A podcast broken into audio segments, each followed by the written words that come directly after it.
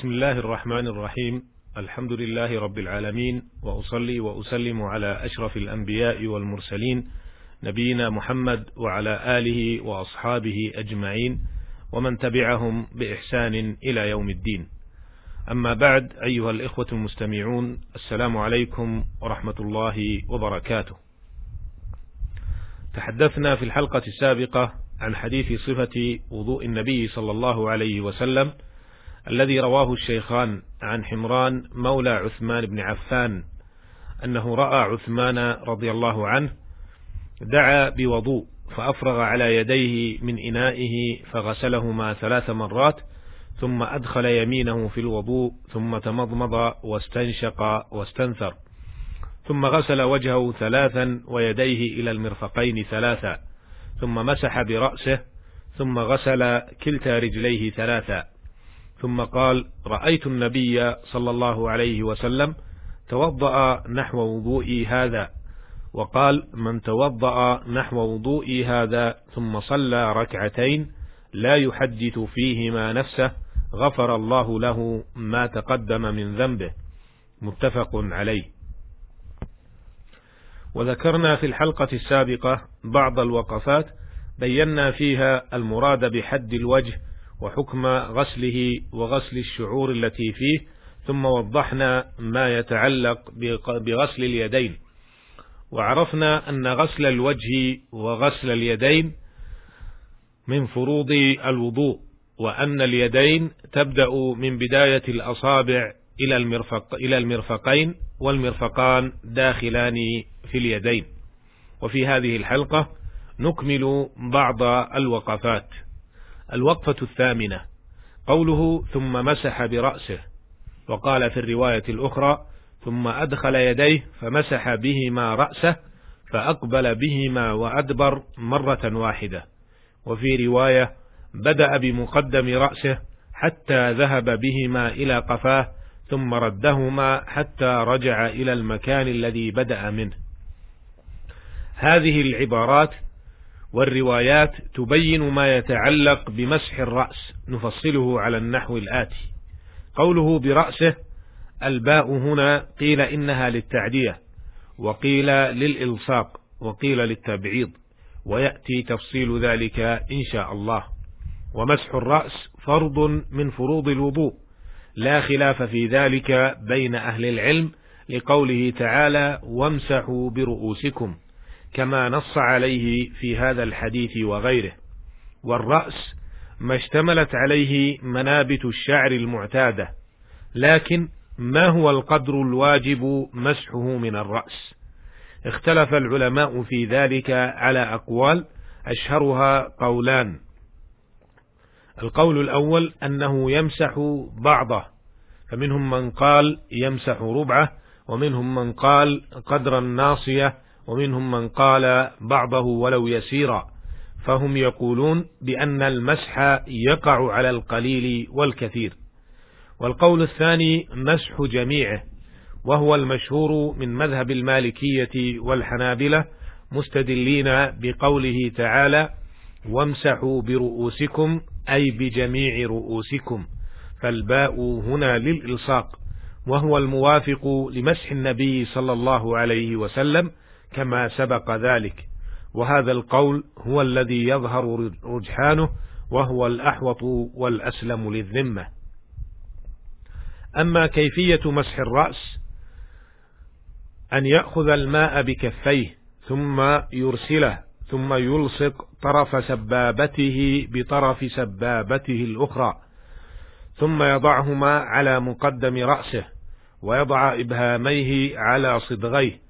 ثم يذهب بهما إلى قفاه ثم يردهم يردهما إلى المكان الذي بدأ منه. وهذه الكيفية هي التي ذكرت في الحديث بقوله فمسح رأسه بيديه فأقبل بهما وأدبر بدأ بمقدم رأسه ثم ذهب بهما إلى قفاه ثم ردهما حتى رجع إلى المكان الذي بدأ منه. وإن غير هذه الصفة بما يتحقق به المسح فلا بأس إن شاء الله لكنه ترك الأفضل والأولى. ونلاحظ في الحديث أنه ذكر أن الرسول صلى الله عليه وسلم مسح رأسه مرة واحدة فقط وهذا هو مذهب جمهور أهل العلم. والمرأة كالرجل في صفة المسح لا تختلف عنه. ومما يكمل به مسح الرأس مسح الأذنين. فهما من الرأس وهذا ما ذهب إليه أكثر أهل العلم بدليل قوله صلى الله عليه وسلم الأذنان من الرأس وقد ورد هذا الحديث بعدة طرق تنهض به للاحتجاج. يقول الترمذي رحمه الله العمل على هذا أي كون الأذنين من الرأس عند أكثر أهل العلم لكن هل مسح الأذنين واجب أو مستحب؟ قولان لأهل العلم في ذلك والصواب والله أعلم أن مسحهما واجب لكونهما من الرأس ولأن بعضا ممن وصف وضوء النبي صلى الله عليه وسلم ذكر أنه مسح بأذنيه وهو الأحوط والأبرأ للذمة. وصفة مسحهما أن يأخذ الماء بيديه ويدخل مسبحتيه في صماخي أذنيه ويديرهما على المعاطف ويمر الإبهامين على ظهور الأذنين لما ورد عن ابن عباس أنه مسح ظاهرهما وباطنهما. وهل يأخذ ماء جديدا للأذنين أم يكفي الماء الذي مسح به رأسه؟ قولان أيضا لأهل العلم في ذلك. والصواب والله أعلم أنه لا يأخذ ماء جديدا لأنه لم يثبت عن النبي صلى الله عليه وسلم أنه أخذ لهما ماء جديدا وإنما يكفي الماء الذي مسح به رأسه. الوقفة التاسعة. قوله في الحديث ثم غسل كلتا, كلتا رجليه ثلاثة وقوله في الرواية الأخرى ثم غسل رجليه وفي رواية ثم غسل رجله اليمنى إلى الكعبين ثلاث مرات ثم اليسرى مثل ذلك. الكعبان هما العظمان الناتئان عند ملتقى الساق مع القدم. أما حكم غسل الرجلين فلا خلاف بين أهل السنة المعتبرين أن غسل الرجلين فرض من فروض الوضوء يقول النووي رحمه الله. أجمع المسلمون على وجوب غسل الرجلين. وقالت بعض الطوائف أن الواجب المسح فقط.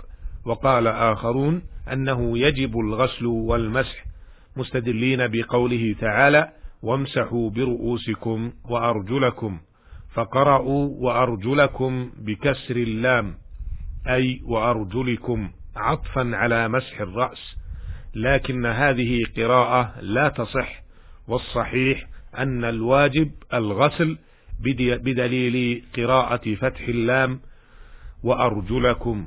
ويؤيد هذا ما ثبت في الصحيحين من حديث عبد الله بن عمرو بن العاص رضي الله عنهما أن رسول الله صلى الله عليه وسلم رأى جماعة توضأوا وبقيت أعقابهم تلوح لم يمسها الماء فقال ويل للأعقاب من النار فدل ذلك على وجوب الغسل لا المسح والأدلة في هذا كثيرة لا يتسع المقام لحصرها.